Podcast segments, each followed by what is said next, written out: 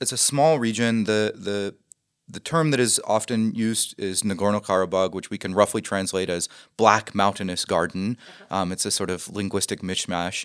The Armenian name for it, Artsakh, uh, goes back to uh, around the first century BC uh, when it was listed as such as, as one of the regions of an Armenian kingdom. So there's been a long Armenian presence uh, in this area.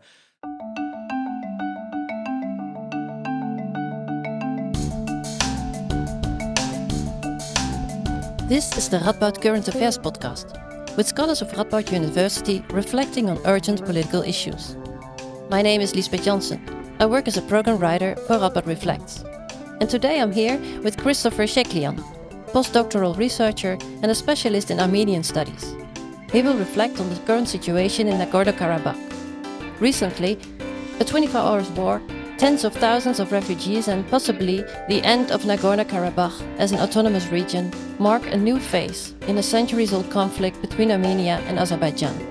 Why now? And what does this mean for the future of the region, its people, and the world at large? Thank you so much, Christopher, for being here today with us. Great. Thank you for having me. I'm, I'm very happy to be here to talk about this important topic. Great. Yeah, let's just dive in. Um, what happened in the last two weeks? Right. So beginning on September 19th, there was large scale shelling uh, and an invasion from Azerbaijan into this autonomous region of Nagorno Karabakh. Um, its Armenian name, uh, Artsakh. Um, it's been an autonomous, de facto independent Republic of Artsakh for about 30 years. Uh, and so on, on September 19th, this um, large scale shelling and invasion uh, happened. Uh, by the next day, on September 20th, a ceasefire was signed, brokered by Russian forces and, and Russia. And um, things sort of happened very, very, very quickly. And by within four days, the first groups of Armenians, ethnic Armenians living in the region, uh, started to leave the region for the Republic of Armenia. Um, and by September 30th, uh, over 100,000 forcibly displaced persons passed from this region into the Republic of Armenia. Uh, the other important thing to say is that on September 28th, the president of this de facto republic uh, declared that all of the state institutions will be dissolved and um, the Republic of Artsakh will cease to exist on January 1st of 2024. Mm-hmm, mm-hmm. Now, now Nagorno-Karabakh has a long history of a lot of conflict and violence. Can you tell us a little bit about what it is, this region? How did it come to exist, and why does is there so much conflict and violence? Right. So this is a it's a it's a small region. The the the term that is often used is Nagorno-Karabakh, which we can roughly translate as Black Mountainous Garden. Uh-huh. Um, it's a sort of linguistic mishmash. The Armenian name for it, Artsakh, uh, goes back to uh, around the first century BC uh, when it was listed as such as, as one of the regions of an Armenian kingdom. So mm-hmm. there's been a long Armenian presence uh, in this area. So today it's uh, basically just to the east of the Republic of Armenia proper and sits at the western edge of what is the internationally recognized territory of Azerbaijan. Um, so this is the region that we're talking about. Uh, and there have been um, ethnic Armenians living there, as I said, for for millennia now. Mm-hmm. And um, it's you know long history. We could we could get into it, but the, the the long history basically sort of comes to a head with the fall of the Russian Empire, and there was briefly a um, Transcaucasian republic that encompassed a lot of the area. That fell apart. Mm-hmm. And in that moment, there were small independent republics of Armenia and Azerbaijan mm-hmm. that already started to fight over this region. Um, Why is it is it, is it uh, very important for some reason? I, I, think you know it sits at the edge of this territory. There were you know um, groups of people from from many different ethnic groups living in the area.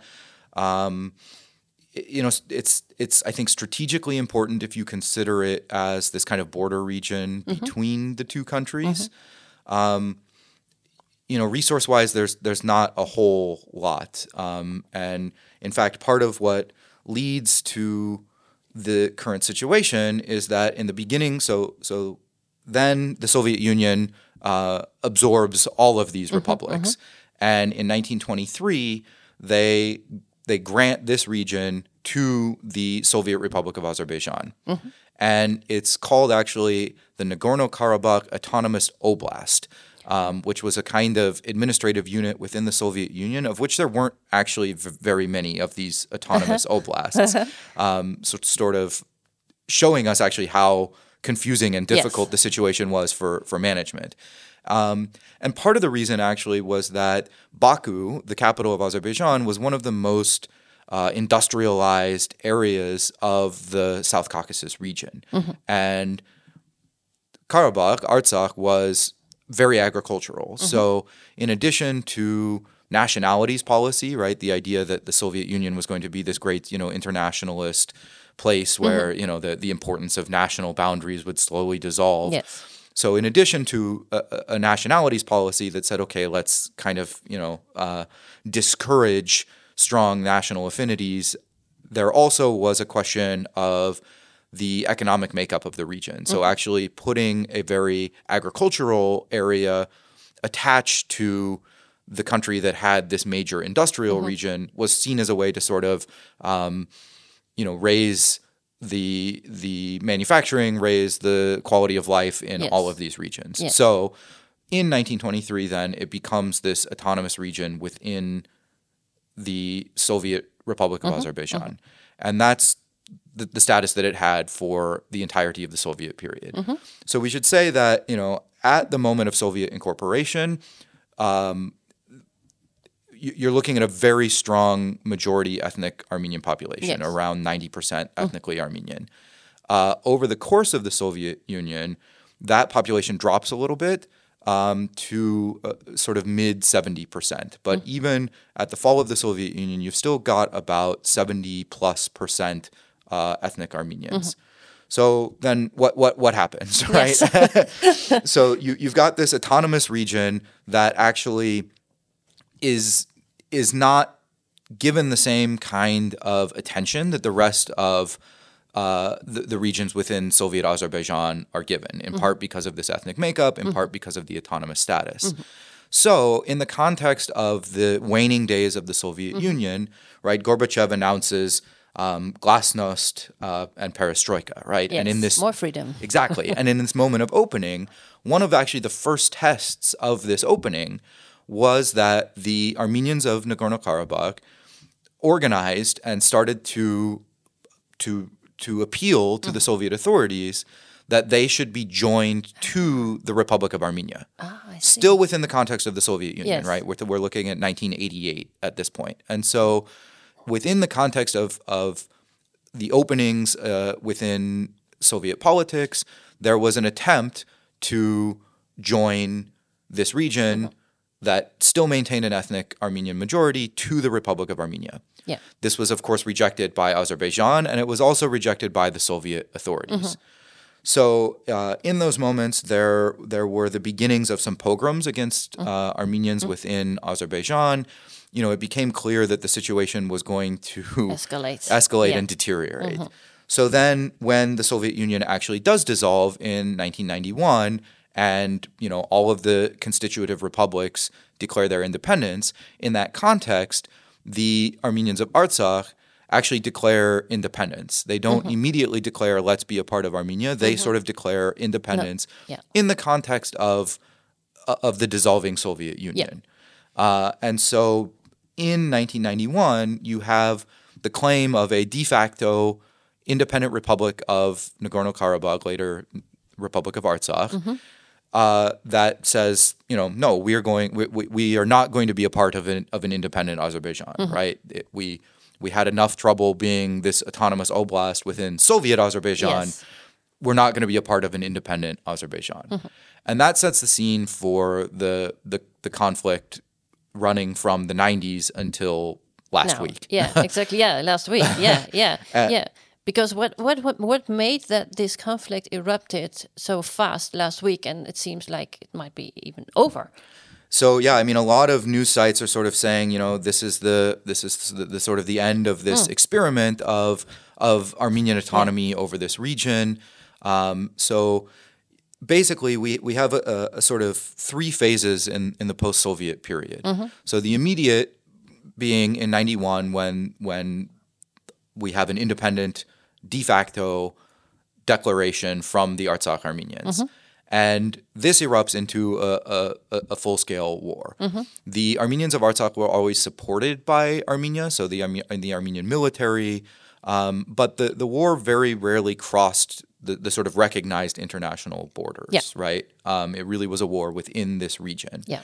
And this ended in 1994 with a ceasefire that was um, absolutely uh, advantageous to the Armenian side. So, I mean, it, we, we can call it an Armenian victory. And from 94, basically until 2020, we had this de facto Republic of Nagorno Karabakh, Republic of Artsakh.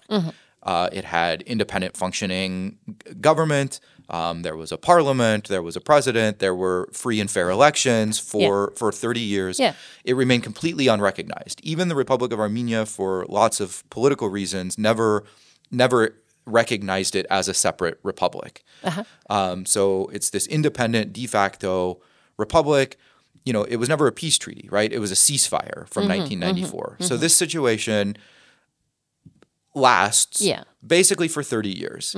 Around 2016, you begin to get some some flare ups around the border. Um, in a sense, I think in retrospect, we can think of it almost as as Azerbaijan sort of testing its uh, military strength. So one of the main things that changed over those 30 years is is is is oil. Yeah. um, Yeah. Is the economic situation and difference between these two countries. So Armenia remains a very um, you know, relatively impoverished mm-hmm. post-Soviet. It's one of the smallest post-Soviet republics. Yeah. Azerbaijan, on the other hand, has huge amounts of um, you know oil and natural gas wealth, mm-hmm, and mm-hmm. so their economy has grown. Yeah. and a lot of that was invested into its military. So around 2016, you get the first sort of pushes to reclaim this territory that, of course, Azerbaijan never accepted as being independent. Nobody recognized it as being independent Um, short flare up in 2016, things seem to sort of settle down. Mm-hmm. In 2020, you know, we're, we're in the middle of a of a global pandemic. Mm. People's attention is sort of elsewhere. Yeah, Yeah. exactly. uh, and in that moment, you have a, a full scale attack coming from Azerbaijan mm-hmm. into this region, mm-hmm. and um, it we we we, we call it the 44 day war, mm-hmm. um, one of the, or the second Karabakh war, in mm-hmm. order to distinguish it from the, the conflict in the 90s. Mm-hmm. And that resulted in a ceasefire uh, in November of 2020 that resulted in significant portions of the territory that the Artsakh Armenians had held being taken back over by Azerbaijan. Ah. Not all of it, uh-huh. but significant portions of Yeah. it. So in 2020, what you're left with is a, a, a smaller kind of rump state of of this Republic of Artsakh that's left, um, including you know major parts of the territories that were retaken include the very important uh, historic city of of, of Shushi, Azerbaijan say Shusha. Um, it's also very strategic. It's uh, kind of higher up than some of the other cities. So Azerbaijan then has taken control in 2020 of a lot of the territory. Was that also the moment when this corridor came to exist? So the only way to reach Nagorno-Karabakh from Armenia? So the, the Lachin corridor, the Lachin corridor actually was one of the major Armenian victories of the first of the first war in the 90s. So it was the kind of lifeline to Mm-hmm. Yeah. Artsakh Yeah. for the entirety of its 30-year existence. Mm-hmm, So everything coming in and out of of Artsakh for 30 years went through this Lachin corridor. Yes. Um, and it was a major sort of strategic uh, military victory at the end of the 90s that that kind of allowed this existence. Mm-hmm. Yeah. Um, so anybody who might have traveled to the region over the last 30 years went through through the. Lachin Yeah, yeah, corridor. yeah. Um, so indeed, in 2020, among other things, the corridor also comes kind of back under control of Azerbaijan. Mm-hmm. The other thing, so this is a, a, a ceasefire that is brokered by Russia. Mm-hmm. And the other major thing that happens in 2020 is that Russian peacekeeping forces are put on the ground in what is left of the Republic of Mm-hmm. So then this situation lasts for you know the last two years yeah, basically. yeah. So so now you've got a sort of smaller, uh, what is left of the Republic of Artsakh. Again, th- they, they've kept the government going through these two years. Um, you know, a lot of international outreach trying to uh, raise awareness of, of the situation. Yes. Uh, and that was where we were until basically December of last year. And that's the beginning of, of the end, in a sense, and the beginning of, of how we get to, to last week. Yes. So in December of last year, um, what were first identified as, as Azerbaijani eco activists closed the Lachin corridor. Yes. So again, this is the lifeline Yeah. into the region. It's the only way to to get in or out. It's the only way f- for a lot of goods, a lot of services to reach Artsakh Armenians. So Nagorno-Karabakh doesn't have its own economic system that just runs on its own. It's very It's dependent agricultural. on- it's yeah, very okay. agricultural. I mean, there there are, you know, there there there have been over the past thirty years. There's been a number of investments made, including by say uh, diasporan Armenians. You know, so there- there's been an attempt to Mm-hmm. Yeah. to revitalize, to build Yeah. uh, the economy, but it, it remains a very agricultural area. Mm-hmm, Yeah. Um, and a lot of stuff is imported. A lot of things are coming through this corridor. So in December of last year, the corridor is initially closed uh, you know, using this idea that that eco activists are sort of mm-hmm. protesting on the corridor. Mm-hmm. Over time, it becomes a, a, a, thorough blockade. Mm-hmm. So instead of protests on the corridor, you basically close the corridor in its entirety. Yeah. So the entirety of this year of 2023, there has been a, a, a full scale blockade. Um, nothing reaching um, even say uh, injured people trying to get to hospitals in Armenia have not always been able to get through. Um, that has really led to a humanitarian disaster in the region. And you know, a, a month ago, what we were worried about was the fact that now, uh, you know, or, or three weeks ago, the issue was. Um, you know, bread lines. You Yes. know, each family Yes. was getting one loaf of bread a day. Yes. Um, you know, really, the supplies and food supplies had completely dwindled. Right, there were all these pictures of empty shelves, Mm-hmm. Yeah. uh, and that's where we were until until this invasion and, and shelling Yes. Mm-hmm. on September 19th. So that's that's how we got there, and and then it, it it really just happened very very quickly. Yes. quickly. How could that happen? You know, I think one of the big things is that that if if there had not been a ceasefire in 2020, militarily it looked pretty clear that Azerbaijan had the upper hand, and it mm-hmm. probably would have continued. Yes. So the the only thing that sort of stopped a complete Azerbaijani military victory in 2020 was the brokering of this ceasefire by mostly by Russia mm-hmm. and the mm-hmm. presence of Russian peacekeepers over that period. Yes. So I think we can say that probably one of the biggest things that changed from 2020 to now, of course, Is is Ukraine. is Yeah. exactly Yeah. is Ukraine. So Russia, you know, doesn't have the ability to send more peacekeeping troops in there. Mm-hmm. Yeah. It's it's got its own priorities right now. Yeah. So it's not paying attention. It's Yeah. not going to be sort of devoting the resources that that would be necessary Yeah, and Azerbaijan has taken advantage of the situation. Exactly. Mm-hmm. So that's I think the, the biggest thing that's changed from 2020 to to now. Yeah, yeah. And you also you mentioned the differences between Armenia um, and Azerbaijan in a uh, economic uh, way, but I think we also think of Armenia as a, like a Christian country, uh, and as Azerbaijan is, as a has a Muslim uh, uh, population or a system. Um, is that is this a religious conflict? Yeah, so I think it's really important to say that it's it's not a religious conflict, right? It's not a religious conflict at heart. Now, of course, these things get mobilized, right? Because indeed, the vast majority of of Armenians are members of the Armenian Apostolic Church or are, are Christian in some way, and the vast majority of people living in Azerbaijan are Muslim. So these things get mobilized. Uh, indeed, um, there's a, a I have a, a colleague and a, a scholar, Hratch Tchilingirian, who's looked at some religious tracts that were circulated during the first war in in the 90s.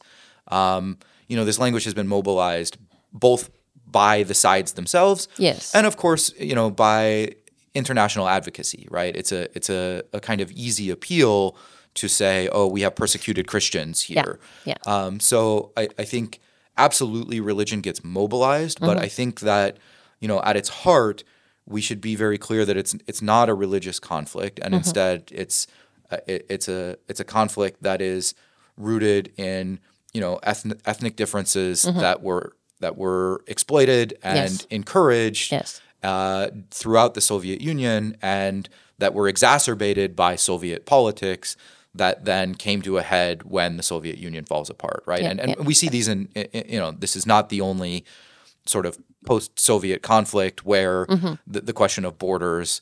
Uh, uh, you know, of Soviet borders come come into Come- yeah, existence. I- yeah. Ukraine, you know, one, one, one could see Ukraine in that light Yeah, as well. sure. Let alone conflicts in Georgia, all kinds of places where where the Soviet, you know, political borders caused problems at the fall of the Soviet Union. Yeah, yeah. Shall we try and look uh, a look at the future? Um, so um, yeah, we already we already talked about you know all the people fleeing and Nagorno Karabakh. Um, what what's going to happen to them? Let's say Armenia has welcomed them, but can they also can they host them? Do they have place and, and, Right. and So yeah, so again, you know, as of as of last week, basically the entire Armenian population of this region has fled. Mm-hmm. So we're looking at, I think the, the official number that I saw on the 30th was 100,417 Oh, wow. forcibly displaced persons, Yes. which is um, in addition to some 10,000s that left in 2020 Mm-hmm. already, um, and a number of people who say haven't been able to go back since the corridor was closed nine months ago. Yeah, and that's an interesting point because we usually talk about you know they choose to leave Nagorno Karabakh, but is it is it as a choice? I, I I don't think that you can see it as a choice, right? I mean, what we sh- we sh- we need to see this as uh, ethnic cleansing. You know, a number of scholars have you know have talked about it in that way. I think that's the that's the right way to think about it. Um, you you even It's, have, it's a big word. Why Yeah, why yeah, do you I- why do you think it's appropriate? So, I mean, I think what we have is is the complete emptying of this region through the use of force of the ethnic Armenian population, ethnic and, and I would say indigenous Armenian population of the region. Yeah. It, it's it's not there anymore. Because if they would stay, what would happen? So this is the question, you know, mm-hmm. and this is this is you know, okay, well, why not stay? And if you look at all the statements in the last couple weeks coming from officials from Azerbaijan, mm-hmm. they say no, no, you know, these these will be they they are they are citizens of of Azerbaijan. They will be you know integrated as part mm-hmm. of, of of Azerbaijan.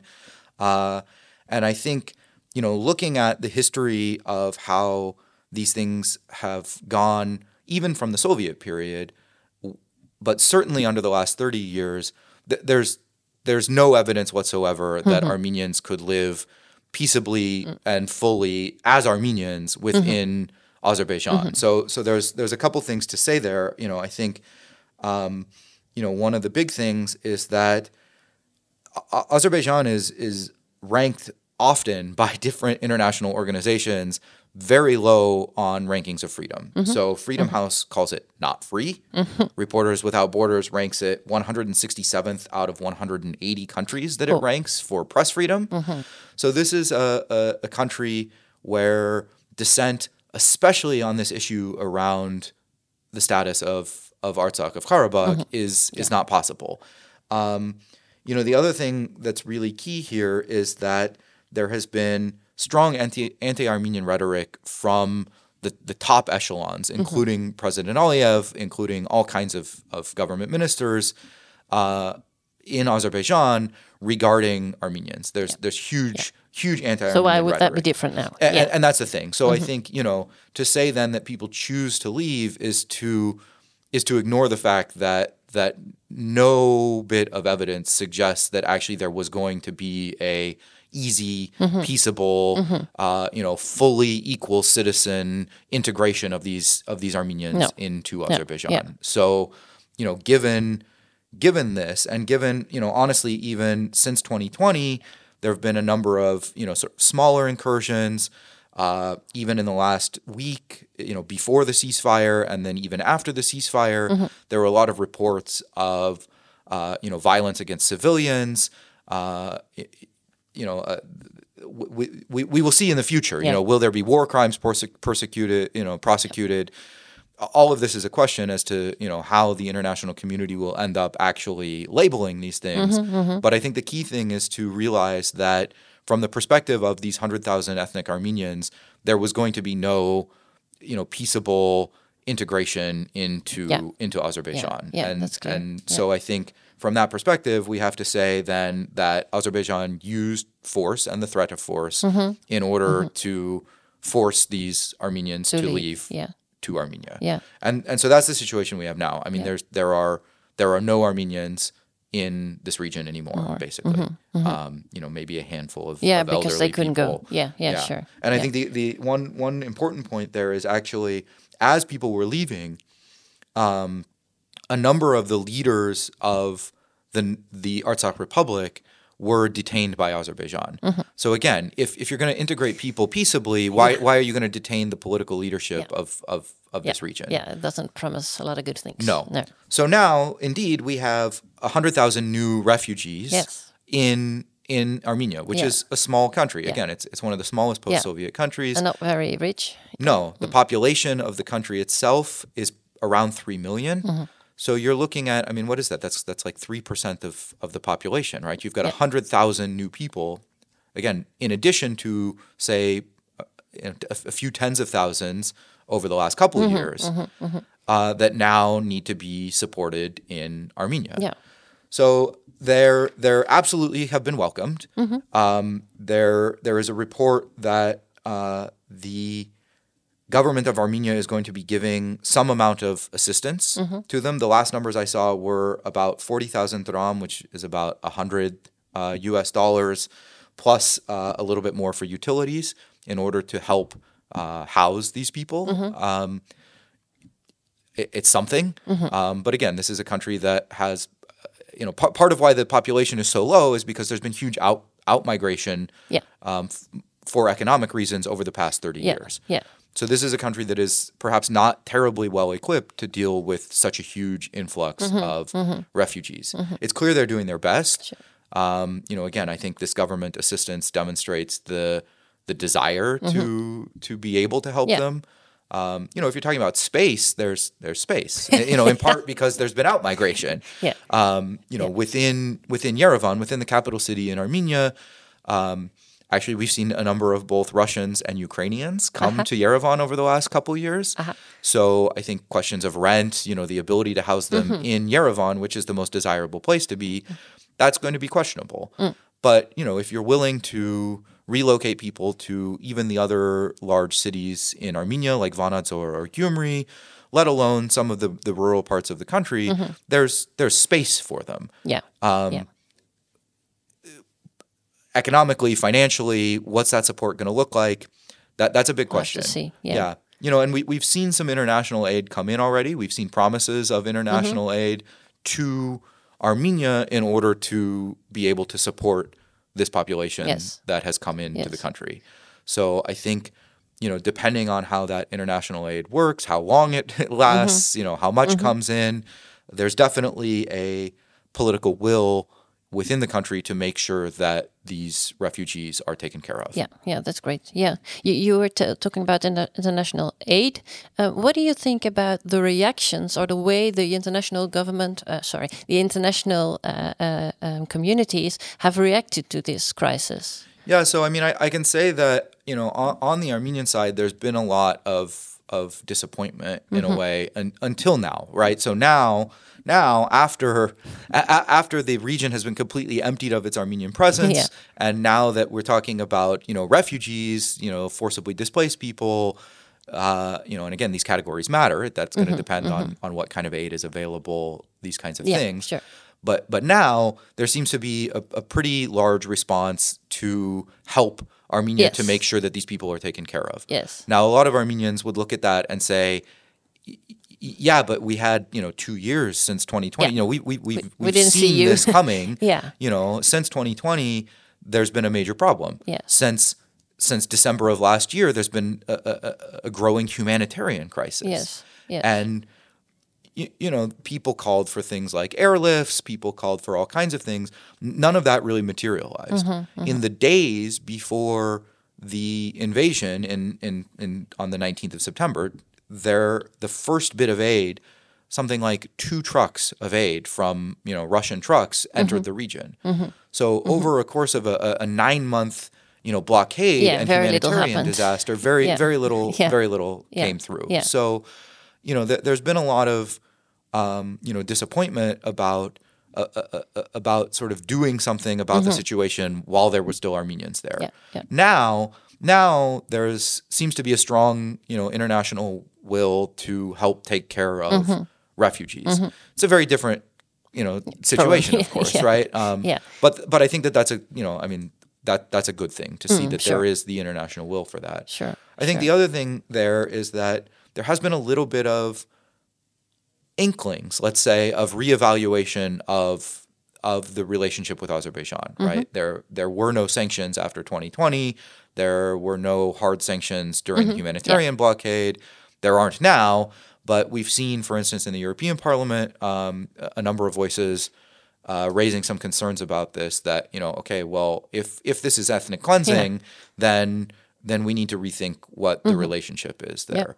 Um, you know this is all very new. So uh, you know again we're, we're, we're the, the, the 28th was when we saw that this republic will dissolve itself so i mean this is what we're looking at a week here uh, Yeah. uh, uh, uh, Yeah, to say yeah, what is happening what's going to happen so will this result in any change towards uh, the the kind of uh, political will? Will this change anything with the way that uh, you know European and other countries around the world deal with either Armenia or Azerbaijan? I think it's too early to to really tell that. Yes. But I think the main thing to say is that yes, we have uh, uh, uh, international support for the refugees, and there does seem to be a kind of inkling of you know th- rethinking how to to approach this region.